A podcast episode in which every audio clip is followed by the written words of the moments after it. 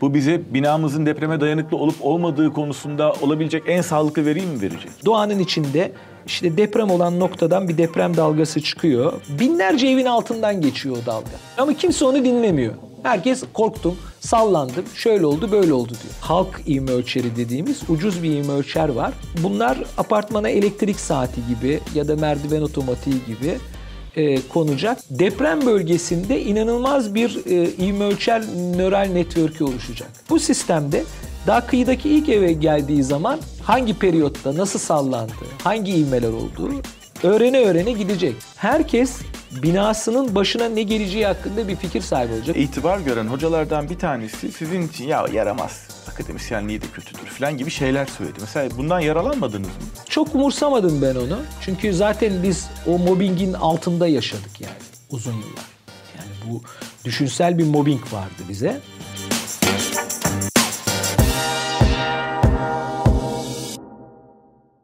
Merhaba. Marmara bölgesinde özellikle İstanbul'da yaşayanların bitmek bilmeyen bir korkusu ama ondan daha büyük bir kafa karışıklığı var. Bu beklenen büyük deprem ne zaman olacak, nasıl olacak? Bu konu hepimiz için büyük bir muamma. Zira ortada konuşan çok fazla kafa, çıkan çok fazla ses var ve bir uğultu yaşanıyor. Bu uğultu da hepimizi paralize ediyor. Meselenin daha bireysel boyutuysa içinde yaşadığımız binalar ne kadar dayanıklı, binamız üzerimize yıkılacak mı, yıkılmayacak mı bu konuda da gerçek ve doğru bir bilgi sahibi olabilmek için çok fazla çaba göstermek gerekiyor. Şimdi bütün bu e, uğultuyu, kafa karışıklığını sona erdirmesi beklenen bir gelişme yaşandı. E, bu gelişmenin arkasındaki ismin e, Profesör Doktor Cenk Yaltırak'ın deyişiyle yeni bir çağın başlangıcının eşiğindeyiz. Bugün yer bilimci Profesör Doktor Cenk Yaltırak'ı konuk ediyorum. E, İTÜ'den e, hocamız ve uzun zamandır e, bir sürdürdüğü bir hazırlığın sonuçlarını aldı. Hocam hoş geldiniz. Çok teşekkür ederim geldiğiniz Merhaba. için. Nasılsınız? İyiyim, çok sağ olun. Sizi konuk ettiğim için e, ayrıca mutluyum. Uzun zamandır yapmaya çalıştığınız, ön ayak olduğunuz şeyin takipçisiyim. Sonunda burada anlatma, size anlattırma fırsatı bulduğum için de çok memnunum. MATAM kısaca Marmara Aktif Fay Teknik ve Risk Uygulama ve Araştırma Merkezi. Doğru mu? Marmara Aktif Fay, Tehlike ve Risk Araştır, Uygulama ve Araştırma Merkezi. İsim çok uzun. Evet, çok uzun gerçekten ama biz kısaca MATAM, diyoruz. Matam diyoruz yani. Siz bu işe ön ayak oldunuz ve e, geçtiğimiz günlerde e, sonunda protokolü de imzalandı. Hedeflediğiniz şey ne? Yani yeni bir çağın başlangıcı diyorsunuz ve neredeyse bizim depreme dair, Marmara'yı bekleyen depreme dair bildiğimiz her şeyi unutup bize yeni bir resim çıkaracaksınız. Doğru mu? Tam e, unutmaktan e, kasıt tamamen unutmaktan kastetmiyoruz.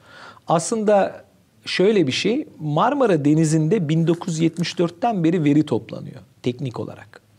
Yani bunlar önce petrol amaçlı ama sonradan başka bilimsel amaçlarla ve çok büyük bir veri seti oluşmuş.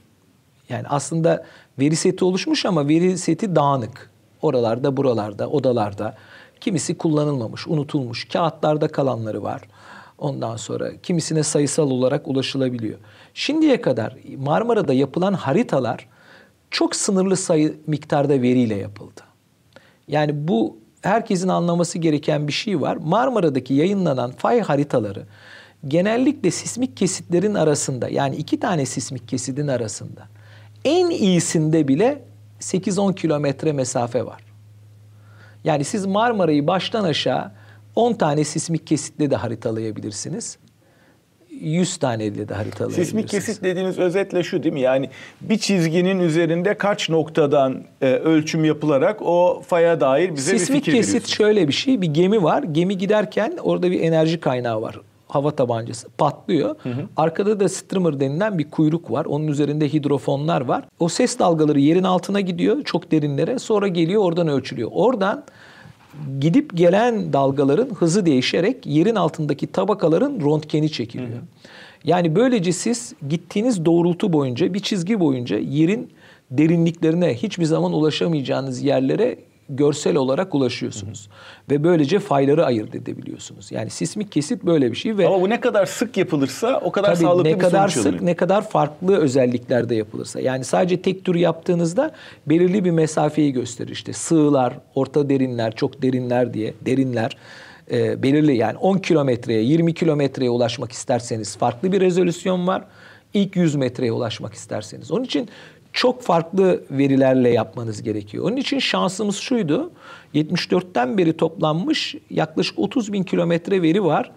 Bunların artık bir kısmı yani e, 8 bin kilometre kadarı kayıp artık yani. Makalelerde geçiyor ama verisine ulaşamıyorsunuz ama biz bunların 22 bin kilometresini bir araya topladık. Yani bu inanılmaz bir veri. Dünyada bu kadar çok sismik veri olan bir deniz yok. Neredeyse 3 boyutluya yakın. Yani ve çok yakın kesitler. Yani bazı kesitler aralarında 50 metre falan var. Yani Peki bizim hala niye bu kadar e, e, kafamız karışık bu konuda?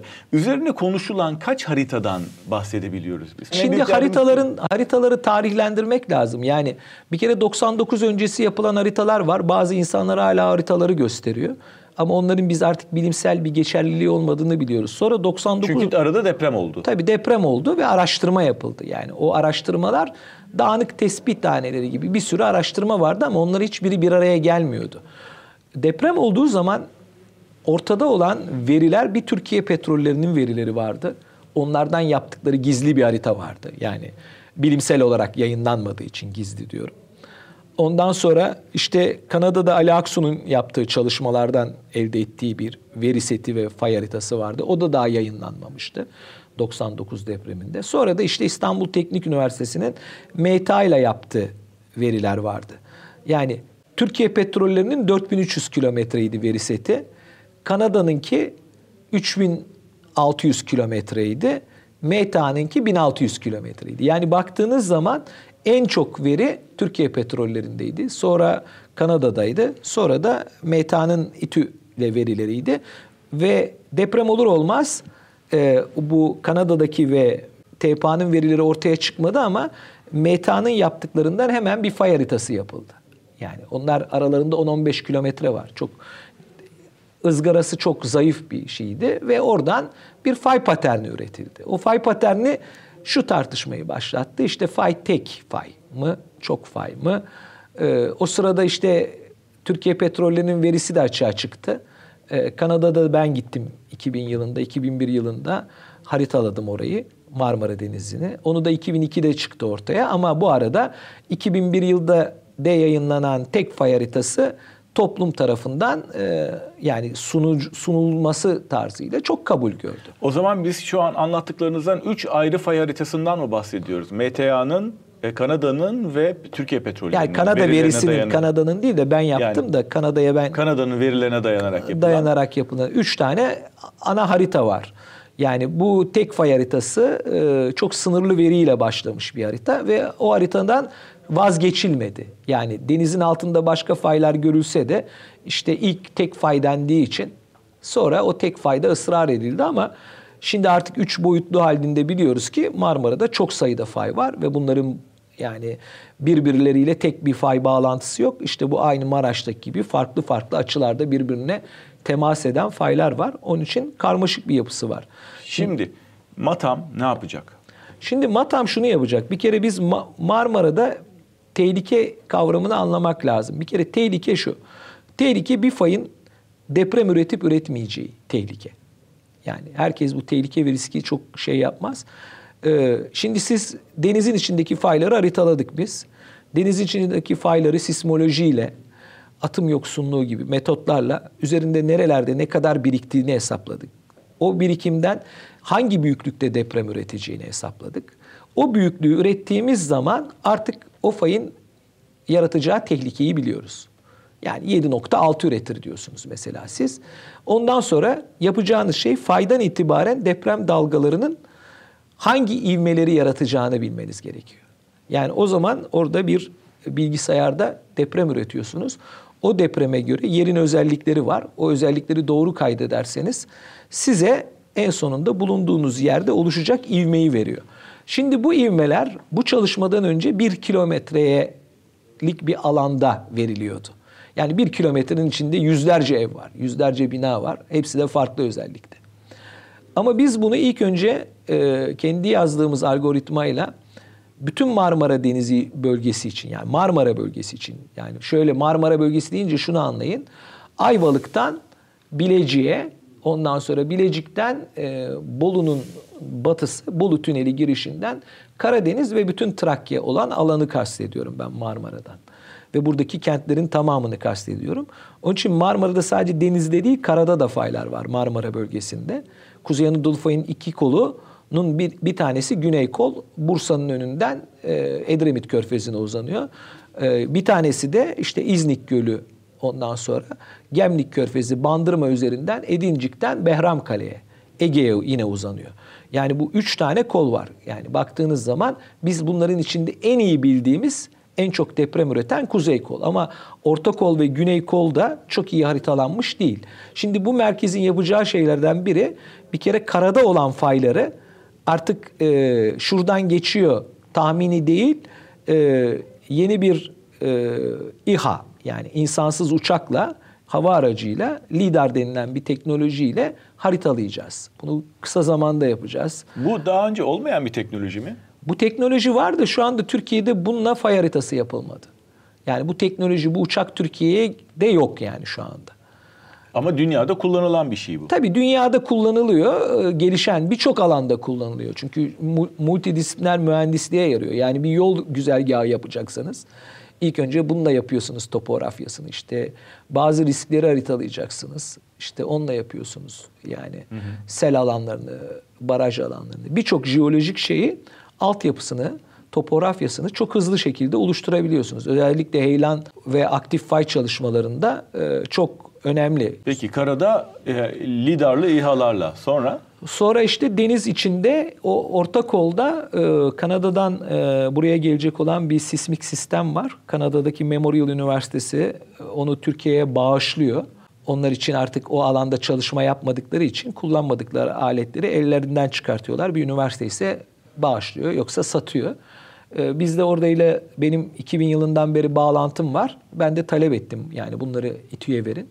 Şimdi öyle bir anlaşma yapma işindeyiz. Öyle olursa bu sefer o bir santimlik e, lidar gibi denizin dibinde de çok ışınlı vatimetre yapabilen yani çok yüksek çözünürlükte bir sistem gelecek. Böylece havadan e, şey çekiyorsa, İHA çekiyorsa denizin üstünden giden gemi de yerin aynı hassasiyette bir e, yüzey topografyasını yapacak. Böylece fayın kesin geçtiği yer, etkilediği alan. Onlar saptandıktan sonra biz bunların üzerinde trençler açacağız. Yani bu trenç dediğimiz şey kazılar. Bu kazılarda tabii en efektif yere açmak zorundasınız. Elinizde lider verisi olursa kayma hızını en iyi göreceğiniz yerlere gidersiniz. Yoksa tahmin etmeye çalışırsınız. Yani burada metre bazında yerini doğru bulacağız artık. Hı hı. Kazılacak çukurun. Yoksa büyük çukurlar açıyorduk yani bulabilmek için. Şimdi o çok daha hassas bir duruma gelecek. Ondan sonra denizin içinde de aynı şeyi yaptıktan sonra denizde de karot alacağız. Trenç kazamıyoruz ama hı hı. fayın iyi olduğu yerleri yüksek rezolüsyonlu bir sismik sistem var. O da geliyor. Onunla göreceğiz. Orada gideceğiz. Fayın önündeki çökeli de yaşlandıracağız. Böylece en son depremlerini göreceğiz. En son depremden geçen zamanı göreceğiz. Ona göre onun üreteceği en büyüklüğü hesaplayacağız. Ve en büyük... zamanı da yaklaşık olarak hesaplayacağız. Zamanı hesaplamaya gerek yok. Yani 10 yıl, 20 yıl, 50 yılda depremin büyüklüğü değişmiyor. Yani çok fazla değişmiyor. Üçüncü dijitte değişiyor. Yani ilk iki digit 200-300 yıllık bir depremde oluşuyor zaten. Ondan sonra işte 7.1 ise işte 7.19 mu olacak, 11 mi olacak o çok şey değil. Zaten bugün bile tartışmalı bir konu küsuratlar. Yani onun için e, biz tabii depremin hangi büyüklüğünde olacağını biliyorsak azalım ilişkisi dediğimiz ilişkilerle hangi ivmeleri oluşturacağını bileceğiz. Böylece binaların altında oluşacak ivmeleri simüle edeceğiz. İlk adım bu. Birinci yılda başarılması gereken bu. Bir daha söyleyin o çok önemli. Binaların altında oluşacak İvmeyi simüle edeceğiz. ivmeyi simüle edeceksiniz. Evet, 100 yani metre bunu hassasiyetle. bina bazında yapacaksınız. Yani binaların altında derken 100 metrelik piksellerde yapacağız ilk önce. Yani 100 metrelik pikselde yaklaşık 3 tane 4 tane bina alıyor genelde. Bu ama ilk adımı değil mi? Sonra İlk giderek adım. daha hassaslaşacak. Tabii bu ilk adım bu yapıldıktan sonra bu bir modelleme zaten. Senaryo modellemesi. İkinci yılda yani önümüzdeki yıldaki bu zamanlarda geliştirdiğimiz bir publik yani halk ivme ölçeri dediğimiz ucuz bir ivme ölçer var. Sensörler çok ucuzladığı için yıllar önce 10 bin dolara yaptığınız şeyi bugün 500 dolara yapıyorsunuz. İleride daha da ucuza yapacaksınız. Ee, onun için bunlar apartmana elektrik saati gibi ya da merdiven otomatiği gibi e, konacak. Bu projenin en önemli yanı halkla beraber veri toplayacağız burada. Çünkü bizim e, aletleri yerleştirmemiz, bakım masraflarını ödememiz vesaire çok büyük para tutuyor totalde. Ama bir apartman için bir para değil yani. 300-500 dolara e, bir ivme ölçer apartmana ondan sonra oradaki bir orada bir evin Wi-Fi'ine bağlanacak o. O Wi-Fi'den sadece deprem olduğunda bize veri gönderecek. Yani o küçük küçük sarsıntılar olduğu zaman Bize veri gönderecek. nasıl bir ivme oluştuğunu ve binanın ona nasıl reaksiyon verdiğine dair mi bize veri, size veri Evet tabii gönderecek? ona ona binanın temelinin nasıl reaksiyon verdiğini veri görecek. Ondan sonra biz kendi algoritmamızla yani hesapladığımızda gerçek veriyi karşılaştıracağız.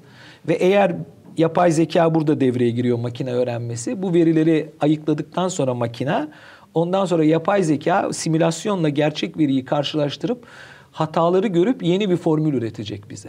Ve böylece azalım ilişkileri istatistiki olmaktan kalkacak, sayısal hale gelecek. Burada tabii e, bunu takanlar ne gibi bir avantaj elde edecekler? Onlar binalarını monitör ettirmiş olacaklar bize. Bize bir ücret vermeyecekler. Yani biz onlardan bir para talep etmiyoruz. Bu Sadece hassasiyete ne zaman ulaşacak? Bu ikinci yılın sonunda bu sistem kurulmaya başlayacak. Yani çünkü e, sayı çok. Onun için ilk hedefimiz bizim şöyleydi. Okullara, camilere ve muhtarlıklara yerleştirsek 20 bin tane yerleştiririz Marmara'ya.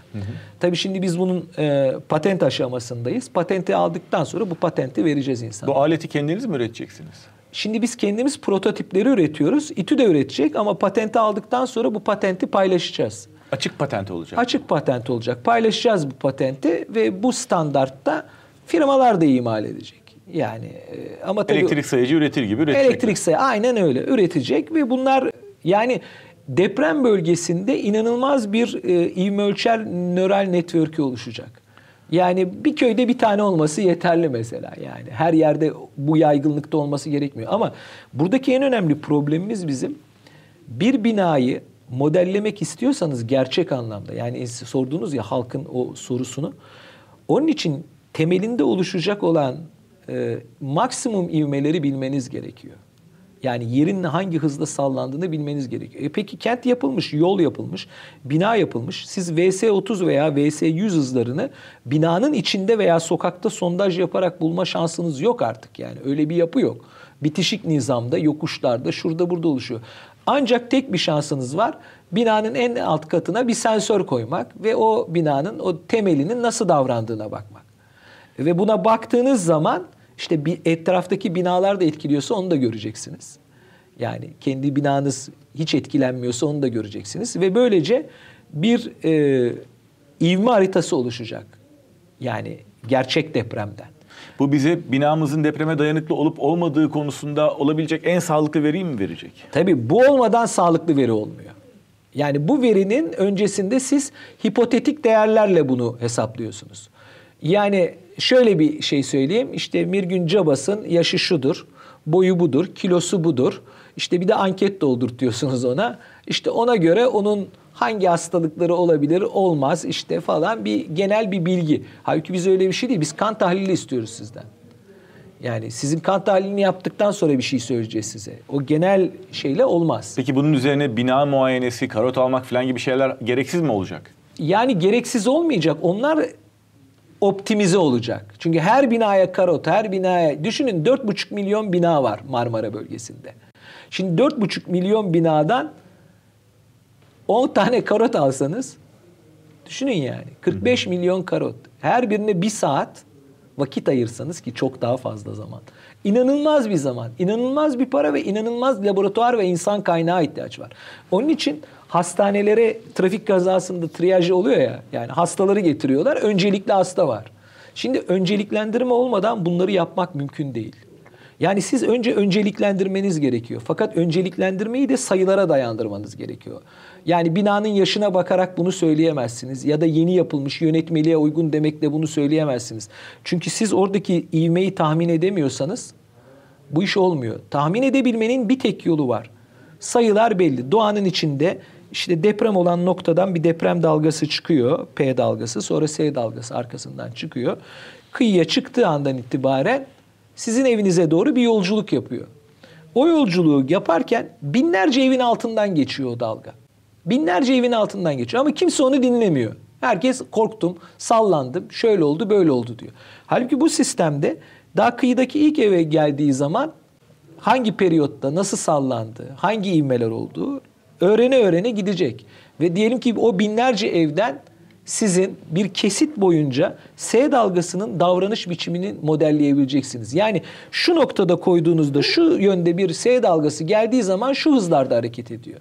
Ve o zaman sizin elinizde yerin altında S dalgasının nasıl hareket ettiğine, hangi hızla hareket ettiğine dair bir harita oluşacak doğal olarak. Ve bu harita oluştuğu zaman siz neyin üzerindeyseniz onu görecek. Yani gerçek sizin karşılaştığınız stres, şiddet neyse nasıl yorumluyorsanız sallantı o anda binanız neyi yaşadıysa onun temelinde olan olayı görecek. İşte ondan sonra zaten matematik giriyor devreye. Depremin büyüklüğünü değiştireceksiniz. Çünkü doğayı değiştirmiyoruz. Hı hı. Depremin sadece büyüklüğünü değiştireceğiz. İşte orada jeofizik parametrelerle kabuğun modeli var. Onu biliyoruz zaten depremlerle. O denizin içindeki kabuk modellemesi, P dalgası ve S dalgasının yeryüzünü 7.6'da nasıl salladığını göreceğiz. Ve diyeceğiz ki ya sizin evinizi 0.1G yani %10 arttırıyor ivmeyi. Ya da işte 0.7G.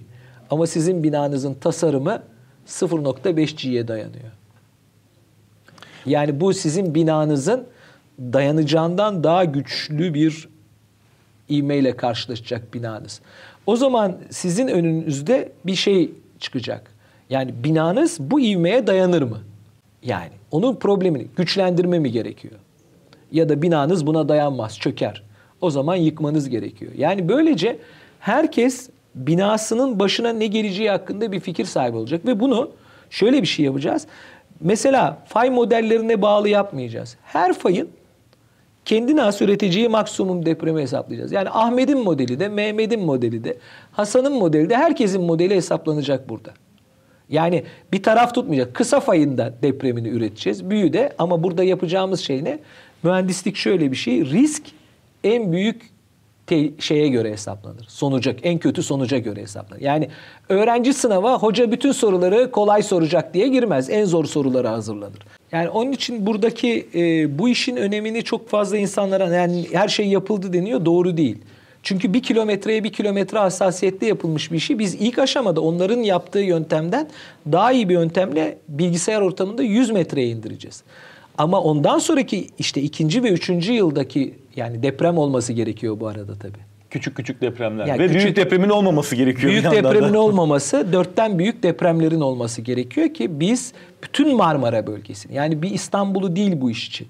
Yani bu Balıkesir'in de Bandırma'nın da her yeri ilgilendiren bir şey. Yani onun için kendi ne kadar insan katılırsa buna o kadar çok ivme ölçer yerleştirilecek. Ne kadar çok ivme ölçer yerleştirilirse bu sisteme o kadar çok veri gelecek. Bu yani, daha önce uygulanmış bir yöntem mi?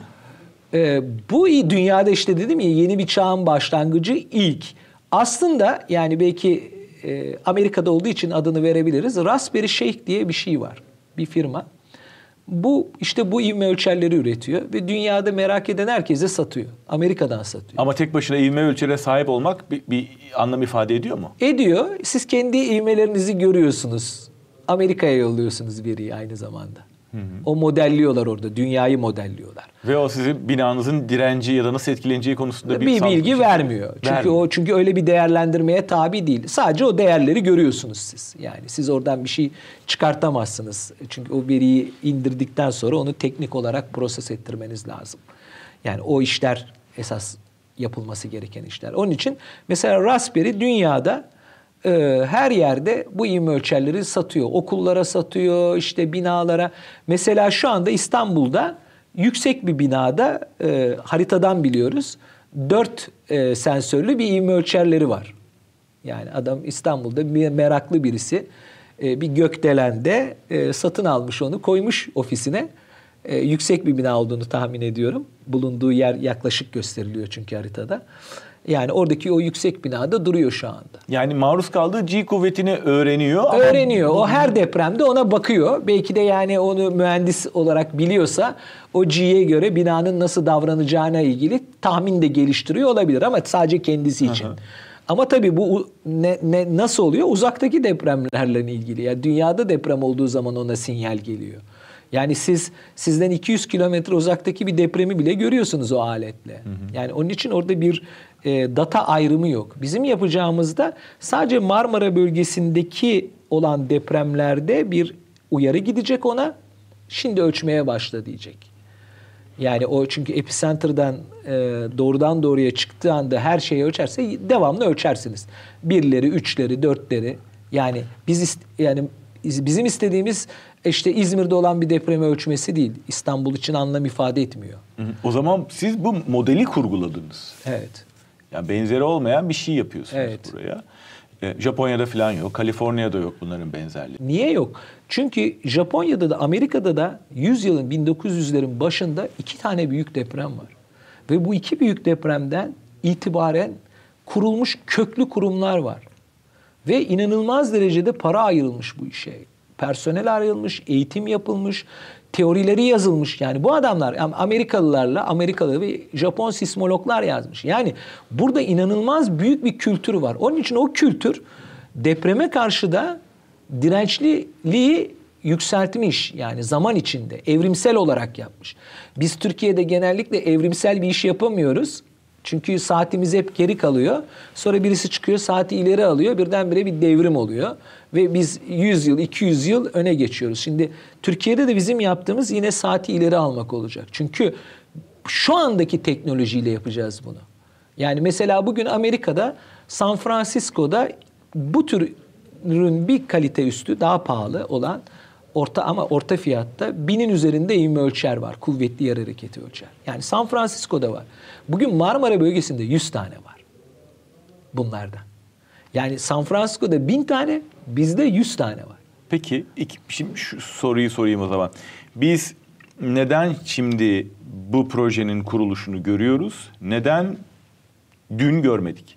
Ya şimdi bu e, söylediğim bir şey kimyasal reaksiyon gibi. Siz katalizör olmadığı sürece reaksiyonu tetikleyemiyorsunuz. Yani ben bunu e, 2000 yılından beri anlatıyorum böyle bir şeye ihtiyaç olduğunu.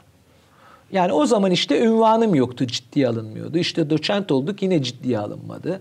Profesör olduk yine ciddiye alınmadı. Yani ünvanla da alakası yok. Ne olunca ciddiye alınıyor? Ne, hocam? network olmadığı için ciddiye alınmadı. İşte e, bazı bilimsel epistemik cemaatlerin üyesi olamadığımız için, oralardan inisiye veya ödüllendirilmediğimiz için olamadı. Biraz aykırı durduğumuz için olmadı ve biraz da çok fazla çalıştığımız için olmadı. Yani devamlı bilimsel sorulara, makaleler, araştırmalar ürettiğiniz zaman da bir süre sonra o topluluktan ayrılıyorsunuz. Yani söz söylemek yerine eyleminiz kağıdın üstünde. E, kağıdın üstünde olduğu zaman da siz artık bir süre sonra o söylemden kopuyorsunuz yani uzaklaşıyorsunuz. Onun için genellikle söylediklerimizi e, dinleyenler ya ne gerek var diye düşündü. Ben bunu hep James Webb hikayesiyle anlatıyorum. Ne gerek var?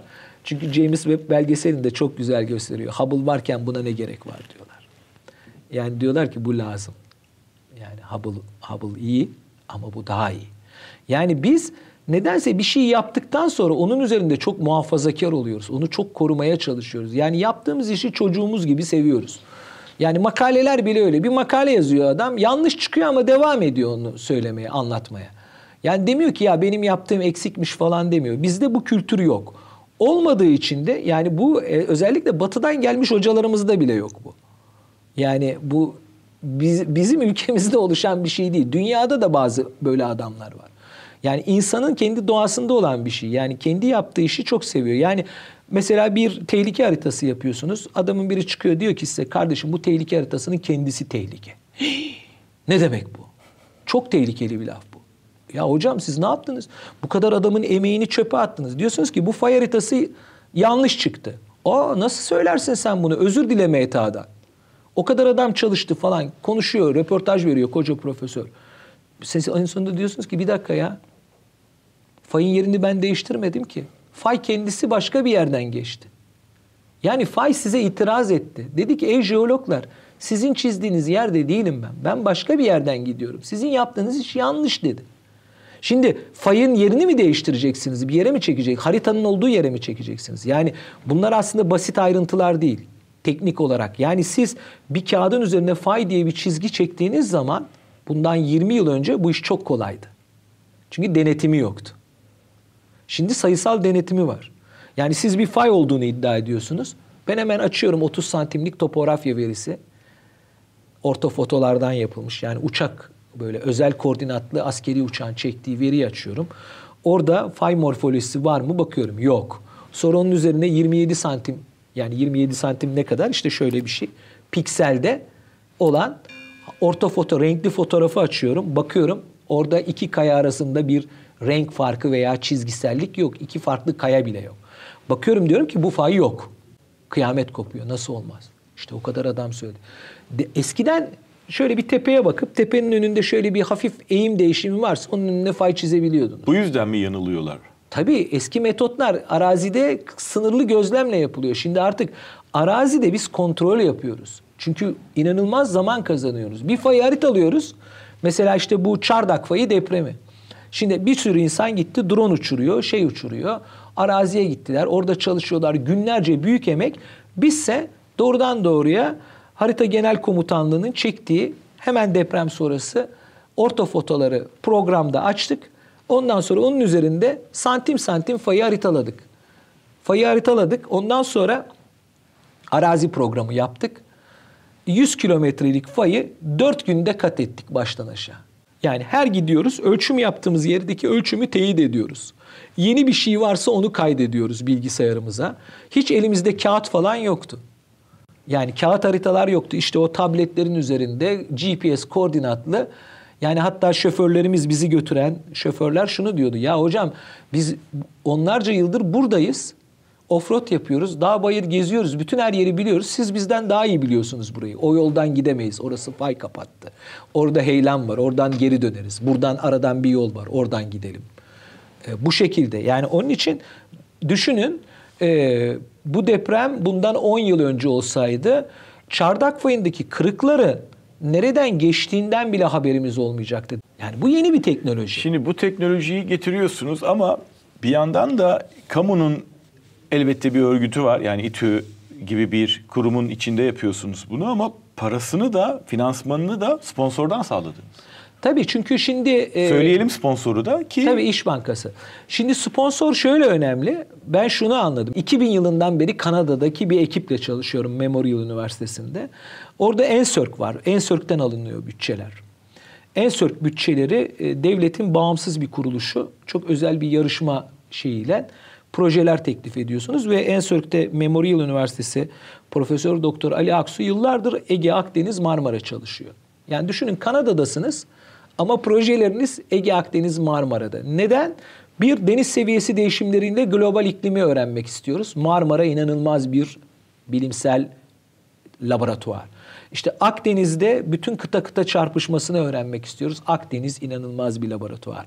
Yani çünkü Kanada'nın jeolojisiyle Türkiye'nin jeolojisi ya da Kuzey Amerika'nın jeolojisiyle Türkiye'nin jeolojisi arasında büyük benzerlikler, evrimsellikler var. O kıta boyutunda bizimkisi zip edilmiş bir dosyada. Onun için bütün Amerika'yı gezerek öğreneceğiniz şeyi Türkiye denizlerini, Karadeniz'i ve şeyi gezerek e, Akdeniz'i ve kara alanlarını gezerek öğrenebilirsiniz. Onun için dünyada Türkiye'nin jeolojisi çok ilgi çeker. Yani çok sayıda araştırıcı gelir gider Türkiye'ye. Her ülkede yoktur bu.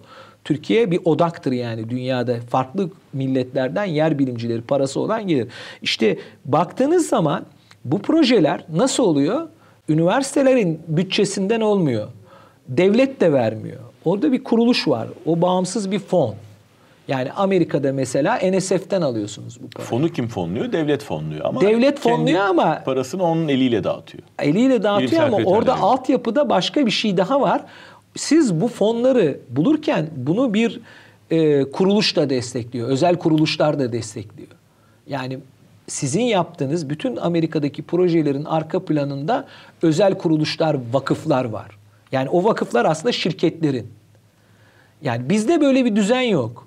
Yani bizde işte bir X vakfı, bilmem ne holdingin X vakfı demiyor ki her yıl ben 100 milyon lira parayı işte üniversitelerde seçilmiş projelere vereceğim demiyor.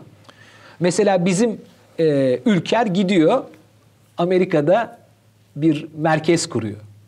Türkiye'den gidiyor oraya kuruyor o üniversitede. Yani dünyanın her yerinde iş adamları işte MIT'ye, Princeton'a, Yale'e gidip orada bazı laboratuvarları, araştırmaları destekliyorlar. Bizde böyle bir şey yok. Mevzuat mı el vermiyor? Mevzuat değil, felsefe el vermiyor.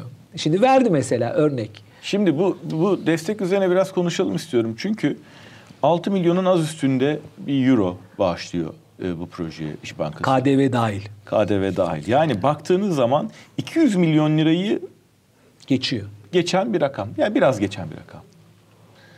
200 milyon lira gibi bir rakamdan bahsediyoruz. Bu ölçekte böyle sonuç verebilecek bir proje için, bir merkez için. Baktığınız zaman bu Çok küçük bir para. çok küçük bir para değil mi? Yani Evet. yeniden e, yapılması planlanan, dönüştürülmesi planlanan, dönüştürülsün mü diye sorulan binaların yapı stoğunun yanında devede kulak bile değil, devenin tüyü gibi bir şey bu. Tabii bir örnek vereyim. Kiptaş'ın adını vermeyeceğim bir semtte gece kondudan dönüştürdüğü apartmanlardan bir tanesindeki 20 dairenin fiyatından az. Yani- Oluşan ranttan az Peki yani. siz niye sesinizi e, belediyeye, bakanlıklara, başka bürokratik makamlara duyuramadınız? Bu kadarcık bir şey için, kaynak için. Şimdi orada tabii e, paylaşılmış şeyler var. Yani o paylaşılmış şeylerin içine girmek imkansız. Yani ben onun için çaba da harcadım. Yani harcamadım değil. Ama anlattığınız zaman şimdi bürokrat başka bir bürokrata bağlı. Orada mesela birisi çıkıp diyebiliyor ki ya bu iş görev AFAD'ın görevi. Sizin değil. Siz diyorsunuz ki ben araştırma yapıyorum. AFAD başka bir iş yapıyor. Oradan birisine soruyorlar. Bir bürokrata AFAD'dan. Diyor ki biz yapıyoruz o işi. Ya da MTA'ya aktif fay haritasını soruyor. Biz yapıyoruz o işi diyor. Peki bizim yaptığımız işi mi yapıyor? Hayır. Başka bir şey yapıyor. Ama burada e, bağımsız bilim yapmakta bir sıkıntı var. Yani düşünün e, bir belediyeye daha belediyenin başkanı seçilmeden öneri götürüyorsunuz. Diyorsunuz ki böyle bir iş yapmak çok önemli İstanbul için. O da diyor ki evet çok önemli.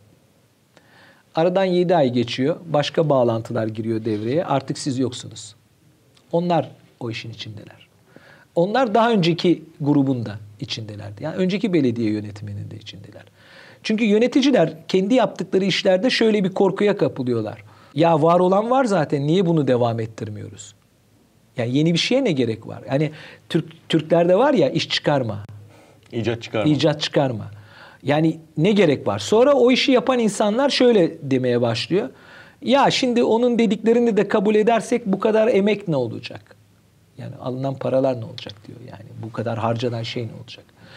Ee, bu tabii yani teknolojinin nasıl geliştiğini reddetmekle alakalı. Ben onu düşünüyorum. Yani ben şu anda benim önüme birisi gelse dese ki ya Cenk Yaltrak biz Marmara'da 3 boyutlu sismik yaptık. Senin fay haritan çöp. Ben evet çöp derim. O gün vazgeçerim haritadan. Israr etmem. Çünkü bilimsel yaklaşım bunu gerektiriyor. Tabii bunu gerektirir. Yani şimdi siz yeni bir model, yeni bir yaklaşım koyduğunuz zaman insanlar e, o zaman başa mı döneceğiz? Halbuki başa dönmüyoruz. Yani Hubble'ı yapmak yapmasanız web'i yapamazsınız. Web'i yapmasanız ileride başka bir şey yapamayacaksınız. Yani bu bilgiler üst üste geliyor. Onun için bu bilgileri geliştirmenin filozofisi eksik bizde. Yani bizde insanlardan zannediyor. Mesela Matam nasıl bir yer? Matam'da Ben sadece moderatörüm aslında. Bu MATAM'ın alt planında yapılması istenen her şeyi oradaki arkadaşlarımız yıllardır yapmak istiyor. Ama hepimizi bir araya getiren bir ortamı yaratmamız mümkün değil. Tek başımıza da yapmamız mümkün değil. Ben onu örnek veriyorum. Yani ben e, bundan işte 2002 yılında 3 tane rapor yolladım. Böyle bu kurumun nasıl olacağına dair 3 tane kuruma. Bir tanesinden geri dönüş oldu. Geri dönüş olan kurum da beni davet etti. Ben bir laptopla gittim. Bir PowerPoint sunumu yaptım. Tehlikeyi anlattım. Oluşacak riski anlattım. Bu veriler niye toplanması gerekiyor? Niçin bunun için özel bir kurum kurulması gerekiyor? Afet planı da dahil. Bunu bir ulusal strateji olarak yapılması gerekiyor. Anlattım. O zaman da bana dediler ki biz bunu yapamayız. Bunu yaparsak bizim için sakıncalı sonuçları olur. E dedim nasıl olacak? Bakın dedi oradaki en yetkili kişi. Türkiye dedi güçlü bir ülke. Türkiye'de dedi insan kaynağı da var, para da var dedi. Ama dedi bunlar dağınık tespih taneleri gibi. Bunları dedi eğer bir otorite ipe dizmeye kalkarsa dedi o ip çürük olur dedi. Çünkü aralarında bir rabıta oluşmaz. Onun için dedi yaparsınız bir süre sonra dağılır o tespih dedi. Çok kısa sürer dedi. Bir iki yıl sonra bakarsınız o büyük iş diye başladığınız iş olmaz. Onun için dedi Cenk Hocam size bir tavsiyede bulunacağım. Bunu siz yapacaksınız. Bu taneleri siz yapacaksınız. Bu ipi siz imal edeceksiniz. Ve en sonunda bu organik olduğu için siz bunları birbirine bağlayacaksınız. Ve bu ondan sonra olacak. Yapamazsanız da bilin ki yani bu sizin suçunuz değil. Çünkü şartlar böyle.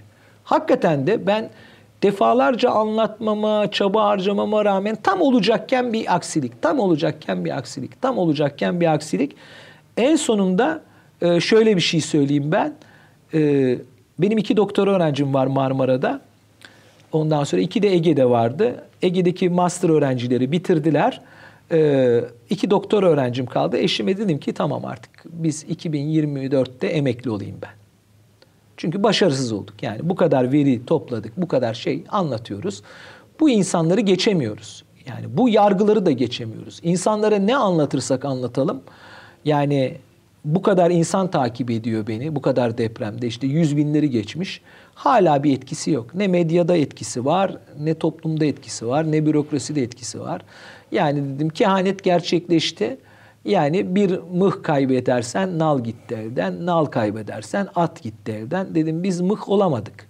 Yani bundan sonra olacaklar kaderimiz artık. Yapacak bir şey yok. Ne yapalım? İşte İstanbul'dan taşınalım, emekli olalım, gidelim işte Anadolu'nun uygun bir yerine yerleşelim. Artık hayatımızı işte kedi, kedi, köpek, keçi böyle düşünürken bir gece saat işte dört sularında kedimiz var Toro. Toro ilginç bir kedi. Gece mesaisine çıkıyor. Gündüz uyuyor. Bütün gece uyuyor. Ara sıra yapıyor bunu. Dört gibi Toro kalkarak benim üstümden bir geçti. Beni bir uyandırdı. Konuşuyor. Anladık Toro'yu bahçeye salacağız. Toro'yu Çıkarttım, kapıyı açtım, bahçeye saldım. Toro çıktı. O sırada tam oturdum, telefonum çaldı. Sabaha karşı dört mü? Evet, yani deprem anında. Hmm. Deprem hmm. oldu ama ben daha depremi bilmiyorum. Hmm. Ee, bir arkadaşım var, bizim Rindan Düşünce grubundan, avukatım aynı zamanda. Uğur şey atmış bana, mesaj atmış. Demiş ki Cenk, Maraş'ta çok büyük bir deprem oldu. Yani zaten beklediğimiz bir yer, yedi buçuk civarında bir deprem bekliyoruz. Ne diyorsun? Ben dedim hemen açayım. Hemen açtım USGS'i işte MSC'yi bir sürü yeri. Kandilli zaten anında şişmiş yani. Herkes yakın bölgeden bağlanmaya çalışınca kaldırmıyor yapısı. Ondan sonra AFAD'da bir şey gözükmüyor. televizyonları açtım. O dünya, bütün dünya televizyonlarına çıkmış zaten o anda. Yani bir iki dakika içinde. Ve o anda çalışmaya başladık. Yani insanlara ne söyleyeceğiz? Ne oldu? Ne bitti? Ve bunu söylemeye başlayınca ben televizyonlarda diğerlerinden daha farklı olarak doğrudan doğruya veriyle söylemeye başladım. Yani orada konuşan hocalar genellikle etraftan aldıkları veri. Ben ise kendi değerlendirdiğim arkadaşlarımla onları da uyandırdım. İşte ne göreceğiz? Kuvvetli yer hareketlerini görelim. İşte epicenter'ı görelim. Dağılımını görelim. Tabii bunu konuşurken ikinci deprem oldu. İkinci depremde aynı şekilde hangi fayda oldu, nasıl oldu? Tabii bunu konuşmaya başlayınca televizyonlarda bir ilgi oluşmaya başladı. Hani o katalizör etkisini gösterdi deprem aslında. İnsanlar bu sefer bana sizin sorduğunuz soruları sormaya başladı. Ben de o soruları zaten düşünülmüş, yıllardır düşünülmüş cevapları var yapılması gerekenlerle ilgili. Onları vermeye başladım. Onları vermeye başlayınca bu sefer e, sosyal medyadaki sizin gibi insanların ilgisini çekti. Mesela İlker Canikligil mesaj attı. Ondan sonra Mehmet Demirkol mesaj attı. Çıkartmak isteyenler var. E, bu arada da e, işte Fox TV'de İlker dedi ki hocam ben dedi sizi çağırıyorum ama dedi size sadece size bir konuşma fırsatı vermek istiyorum. Yani bir yarım saat siz bizim anlatın başımıza geleceği neler yapmamız gerekiyor onu anlattım. İşte o süreçte e, toplumda bir ayrışma oluştu yani bir, birisi var bir şey söylüyor bir de ötekiler var onlar her gün söylüyor. Bu, bu ilk defa görüyoruz bu adam. Bu adam kim? Tam o anda bir de akademik itirazın ve hatta karalamanın da ortasında kaldınız hocam. Çok çok umursamadım ben onu. Çünkü zaten biz o mobbingin altında yaşadık yani uzun yıllar. Yani bu düşünsel bir mobbing vardı bize.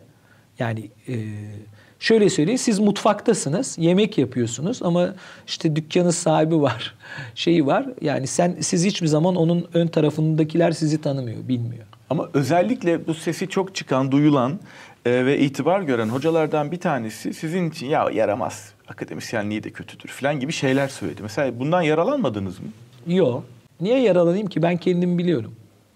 Ya ben nasıl çaba harcadığımı, nasıl çalıştığımı. Yani şimdi kendimi övmek için konuşmayı sevmem ama 2003 yılında TÜBİTAK tarihinde TÜBİTAK teşvik ödülünü doktor ünvanı olmadan alan tek kişiyim ben. O kadar kötüyüm ki. 17 tane yayınım vardı ödülü aldığımda. Hiçbiri de doktora çalışmam değildi. Hepsi Marmara'ydı. Yani düşünün ben 2003'te doktoramı bitirdiğimde Marmara'da benim 18 tane uluslararası dergide yayınlanmış ve o hocaların olmadı. Yani benim, benim hakkımda fikir yürüten hocaların olmadığı yayınlarda vardım ve bunların yarısından fazlasında da sorumlu yazardım. Yani siz master yaparken hocalarının adını koymadan e, dünyanın en iyi dergilerinde yayın yapan birine rastladınız mı Türkiye'de? Böyle bir örnek yok. Ama benim özelliğim neydi? Ben kendi kendime iş yapma yeteneğine sahip bir insanım. Yani birilerinin cübbesine veya arkasına veya onun övgülerine sığınmıyorum. Yani onun için ben o dediklerinize hiç aldırmadım. Yani yazdıklarınızı buradaki hiyerarşinin üst seviyelerindeki hocalara göstermediğiniz ve onları onaylatmadığınız için mi böyle biraz dışlandınız, sizi benimsemediler? Dışlanmak, dışlanmaktan ziyade ben kendi yolumu kendim çizdim. Hmm. Yani ben gidip de beni alın aranıza, ben işte girmek istiyorum falan hiçbir şey demedim yani. Çağırmamalarından da gocunmadım. Hmm. Yani çağırsalardı daha değerli işler üretilirdi. Daha çok şey üretirdik. Yani bir değil beş üretirdik. Onlar da bir üretti, ben de bir ürettim. Ama öbür türlü olsaydı beş üretirdik. Onun için bunlar çok değerli konular da değil. Yani bunları konuşmaya da gerek yok. Ama e, insanlar tabii merak ediyor. Burada bir çekişme veya itişme olarak görmüyorum ben bunu. Yani zamanın bir rengi var. Herkesin zamanı geçecek. Yani yazıyor ya Zincirlikuyu'da. Her canlı ölümü tadacaktır diyor ya. Her bilim adamı en sonunda yaptığı işler kalıcı olmak üzere eskiyecektir yaptıkları. Yani teknoloji ve bilgi değişecektir. Onun için yapan her zaman yeni bir şey yol açacaktır. Onun için siz yeni bir şeyler yapan insanlarla çalışırsanız yeni bir işler yaparsınız. İşte Matam'ın özelliği bu. Matam'ın altyapısında ki en nüve benim bir öğrencimin kafasının çok çalışması ve diğer öğrencilerimin kafasının çok çalışması. Şimdi arkadaşlarımın, genç arkadaşlarımın kafasının benden çok çalışması. Ama zaten 20 küsur yılı kaybettik biz. Yani onun için artık bu konuyu kaybedecek vakit yok. Her gün çalışmamız gerekiyor. Ve biz bu merkezin sıfırdan kurmaya kalksanız yapılması gereken işleri 2019'dan beri de yaptık. Yani mesela Marmara'nın üç boyutlu fay haritası. Bunlarda stres hesapları. Bunlarda deprem senaryoları. Bu deprem senaryolarına dayanan azalım ilişkileri. 100 metre pikselde bunu çalıştıran kodlar. Bunların hepsini yazdık. Hepsi var. Sadece bunları bu sistemin içine koyacağız. Eksik olan yerlere başlayacağız. Nedir? Güney Marmara, karadaki faylar. Artık O, onları yapmamız çok hızlı olacak çünkü uçak uçacak, gemi gidecek, tak o veriler gelecek, bunun içine konacak ve artık bütün Marmara bölgesinin aktif fayları bizim için matematik olarak bilinir hale gelecek. Mesela burada en önemli şeylerden biri yaş tayini yapmanız gerekiyor. Yani siz bir çukur kazdınız. O çukuru kazdığınız anda oradan aldığınız örnekleri yaşlandırmanız gerekiyor. Her bir örneğin dünyada iyi bir laboratuvara gönderseniz 750 avro veriyorsunuz. Bir tane 100 kilometrelik fayda yaklaşık açmanız gereken yani trenç sayısı minimum 5. Ve her birinden alacağınız deprem eventine olaya baktığınız zaman en az 10 örnek. Yani her fayı kazdığınızda 50 tane örneğe ihtiyacınız var her segmentte. Ve 50 örneği çarpın 750 ile. Ve buna ayıracağınız zamanı, posta paralarını, bürokrasiyi, onu bütçeden çekmeyi, bu arada döviz değiştiği için sizin zarara girmenizi falan. Biz ne yaptık? Bu sistemin içinde bu labı da kurduk. Yani burada yapılan her şeyin acil yapılması gerekiyor. Acil yapılması için de nakit parayla yapılması gerekiyor. Nakit parayı da verecek olan birisinin olması gerekiyor ve bunun bir fon ve proje bağışı olması gerekiyor. Mesela bu İş Bankası'nın bir projesi. Yani bu merkezin kendisi bir proje zaten. Ve bu projede bizim İş Bankası ile karşılıklı çok basit bir anlaşmamız var. İş Bankası diyor ki bütün Marmara bölgesi için üretin. Ürettiğiniz veriyi bütün topluma, kamuya istediğiniz gibi vermemiz mümkün. Ve bunları verirken de diyor bir de diyor benim diyor binalarım var, bankalarım var. Bunlar diyor yıkılırsa ben hizmet veremem. Onun için diyor benim hangi binalarımı öncelikle güçlendirmem gerekir? Hangileri yıkılabilir? Bize bir önceliklendirme verin diyor. Yani böylece biz inanılmaz büyük bir paraya bizim aslında yaptığımız işi finansını bir bankaya yaptırmış oluyoruz. Ve ona veri paylaşacağız. Aslında o veriyi biz üreteceğiz zaten. Hı hı. Yani nasıl olursa olsun üreteceğiz. Onun için başkaları da bu verileri alabilecekler. Şimdi insanlar şöyle bir şey diyor. Ya diyor bir olmayıcı, olmamış bir depremin ivmesini tahmin edemezler. Şimdi olmamış bir depremin ivmesi tahmin edilemez diyorsanız o zaman hiçbir şey yapmanıza gerek yok. Çünkü şu anda kullandığınız bütün azalım ilişkileri olmadık bir depremin ivmesini tahmin ediyor. Yani bir fay haritası öngörüyor. Dümdüz böyle cetvelle çizilmiş gibi. Üzerinde planya ile parlatılmış gibi. Ve basit bir şekli var. O basit şekilden yola çıkıyor. Peki o şekil gerçek mi? Değil. E peki o zaman o formül ondan gerçek bir sonuç çıkartır mı? Hayır çıkartamaz. Peki ne diyorlar? Yaklaşık. Evet 10 yıl önce yaklaşık şeyler bir kilometrelik piksellerde mümkündü. Şimdi artık inanılmaz veri değerlendirebiliyoruz. Yani düşünün deprem oluyor. Deprem olduğu anda bize verisi geldiği anda Murat'ın yazdığı kod sadece 15 saniye içinde Marmara bölgesindeki 150 bin noktaya hesaplıyor. İvmeleri. Hı hı. Ve gerçek alet varsa orada o gerçek aletle karşılaştırıyor. Ve böylece ne kadar uyumlu olduğuna bakıyoruz.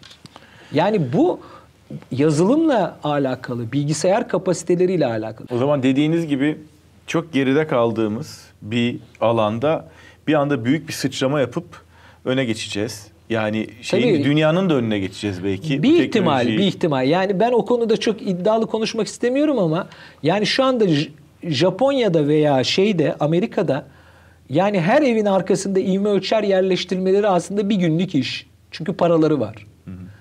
Ama ihtiyaç duymuyorlar. Çünkü her şey biliniyor. Her şey hazır. Yönetmeliklere güveniliyor. Bilim adamlarına güveniliyor. Yani ihtiyaç yok. Şimdi en önemli problem bizim ihtiyacımız var. Bizde bilim topluma ulaşmıyor. Orada toplumsal bir problemi çözüyor. Şimdi ilk defa toplumla beraber hareket eden bir merkez olacak. Yani e, katılımcıları, araştırıcıları halk olacak bunun. Yani siz evinizde Mirgün Cavas olarak diyeceksiniz ki apartman yönetiminde ya bunlar ne para mı bu Allah'ınızı seviyorsanız. Yani dört tane otomobil lastiği bu. Oraya götüreceksiniz, aşağıya monte edeceksiniz. Onun belirli bir yönde şey install edilecek o. Sonra bir Wi-Fi'ye bağlanacak. Orada duracak o. Yani ta ki onu ilgilendiren bir deprem olana kadar. Olduğu zaman o data bize gelecek. Yüzlerce yerden gelecek, binlerce yerden gelecek. Geldikçe biz renkli haritalar yapmaya başlayacağız. Göreceğiz o renkli haritalarda. Bir anda deprem dalgası gelecek. Biz İstanbul'un içinde bütün binaların altında onun nasıl yayınlandığını renkli haritalarda göreceğiz. Nasıl yolculuk yaptığını, nerede hızlandığını, nerede yavaşladığını. Hatta nerede bir engelle karşılaşıp arada bir uyumsuzluk yarattığını, yerin altında gelen etkileri görmeye başlayacağız. Bu jeofizik bilimi açısından çok büyük bir şey. Böyle bir erayı kurmak. Yani bu bütününü gözlemek 21. yüzyılın ikinci çeyreğinde hepimiz görmeye başladık bunu. Big data denilen, ondan sonra makine öğrenmesi denilen yani veri temizliği. Sonra oradan yeni formüller üretilmesi gereken yapay zeka. Bunlar artık tamamen bizi gerçek dünyaya yaklaştırıyor. Yani ben birkaç yerde söyledim, burada da tekrar edeyim. İki tane zekadan söz ediyoruz. Doğal zeka, yapay zeka. Ben bizim zekamızın yapay olduğunu düşünüyorum. Çünkü çok az veriyle çok fazla sonuç çıkarmaya sonuç çıkartıyoruz ve bunların büyük çoğunluğu gerçekliğe isabet etmiyor. Yani bu birçok insanı korkutuyor. Neden korkutuyor? Çünkü artık sallayamazsınız yani. Yani şimdi biz size Marmara bölgesinde hayal 4,5 milyon ivme ölçer koyduk diyelim. Oradan bir ivme haritaları elde ettik. Ve o ivme haritalarını modelledik. Siz buna gözünüzü kapatamazsınız. Ya da Bu, bunun üzerine bununla çelişen başka bir şey ha, Yok sayamazsınız bunu. Yani biz fayı 3 boyutlu haritaladık. Ben bunu kabul etmiyorum diyemezsiniz. Denetlemek isterseniz açıktır denetlersiniz. 21. yüzyılın ilk çeyreğini kaybettik yer bilimlerinde. Gereksiz bir kakafoninin içine girdik. Ben bunun engellenmesi için çok çaba harcadım ama başaramadım. Yani bilimsel çerçeve şu. Şunu anlaması lazım insan. İnsanlar gidip her gün deprem olacak demesi anlamlı bir veri değil. Siz insanların öğrenmek istediği şey şu. Ne gün hangi saatte deprem olacak? Bunu niye öğrenmek istiyor? Çünkü evini yaptıramayacağını, yıkılacağını biliyor. Bari kaçayım diyor. Yani ama şunu düşünmüyor. Bunu herkes bilirse bu sefer oluşacak kaosu ne engelleyecek? Yani hiçbir şey yapmazsanız insanların hepsini sokağa çıkartırsanız ne banka sisteminiz, ne marketleriniz, ne oluşacak kaosu kontrol edemezsiniz. Onun için demek ki depremi bilmek de anlamlı bir şey değil. O zaman neyi bileceksiniz? Bilmeniz gereken öncelikle sizin eviniz, çocuklarınız, eşiniz için güvenli mi? Bunu bilecek. İşte bunu bilmeniz sizin bir yol haritası yapmanızı sağlar. Hocam çok teşekkür ederim. ederim. Gerçekten çok büyük bir proje. Ee, daha üzerine çok da konuşulur ama bize ana hatlarıyla anlayacağımız şekilde çok net anlattınız. Ee, bu umarım ki İstanbul'un, Marmara'nın ve Türkiye'nin e, beklenen makus kaderini değiştirecek bir proje olur. Ve hikayesi de anlatılır. Ve hikayesi de belki sizin ya ben artık emekli olayım mı dediğiniz günden başlanarak anlatılsa yeridir. Tabii yani emekliliğime 6 sene var. Ee, Serdar Akgüz hepimizin büyüğü. Yani içimizde yaş olarak en büyük. Onun 3 yılı var. O artık tamamen emekli olmuştu psikolojik olarak. Şimdi diyor ki bana ya 3 yıl ne güzel gidecektim Ayvalık'ta işte kendi evimi yapacaktım. işte şunu yapacaktım bunu yapacaktım. Şimdi Başımıza bunlar, iş çıkardı. Ha iş çıkardı. Yani şimdi sen bize yeni bir şey verdin. Hedef verdin. Hedef verdin. Yani e, çok memnun hayatından. Ama aramızda o kadar genç olanlar var ki bu geleneğin içinde e, onlar devam edeceğini biliyoruz. Hatta bizden iyiler onlar yani. Ama biz onların yaşayacağı bir yeri de yapmış oluyoruz. Yani özellikle 25 öğrencimiz çalışacak. Bunlar master ve doktor öğrencisi olacak. Ve bu arkadaşların hepsi bu işin içindeki bütün tuğlaları döşeyecekler. Yani işin parçası olacaklar. Onları bu problemi çöz gel diyeceğiz. Çünkü biz ana yolu biliyoruz. Oradaki işaretlerin konulması, işte engellerin kaldırılması, çukurların doldurulması işi onların işi. Yani onlar hızla bunları yapmaya başladıkları zaman işin parçası olacaklar. Parçası olduğu zaman bir sistem yaşıyor. İşte bu tespih hikayesi o. Yani bizim yapmak istediğimiz şey organik bir şey. Hocam çok sağ olun. Bugün yani sadece için, bu projeyi anlatmadığınız, şaba. akılda kalması, akılda tutulması gereken pek çok başka yan şey de söylediniz. Ee, uzun bir akademik kariyerden ve e, bir hayattan süzülmüş e, sözleri duyduk sizden. Çok teşekkür ederim geldiğiniz, anlattığınız için. Az önce söylediğiniz gibi biliyorum çıkmıyorsunuz, konuşmuyorsunuz. Televizyonlardan, medyadan uzak duruyorsunuz. Harekete e, geçip sonuçlarıyla konuşmak istiyorsunuz ama e, bunu da anlatmak gerekiyordu diye düşünüyorum. Çünkü hakikaten çok devrim niteliğinde bir şeyi e, oluşturdunuz. Çok sağ olun gelip burada anlattığınız için. Ben de size teşekkür ederim bu şekilde konuşmaya izin verdiğiniz için.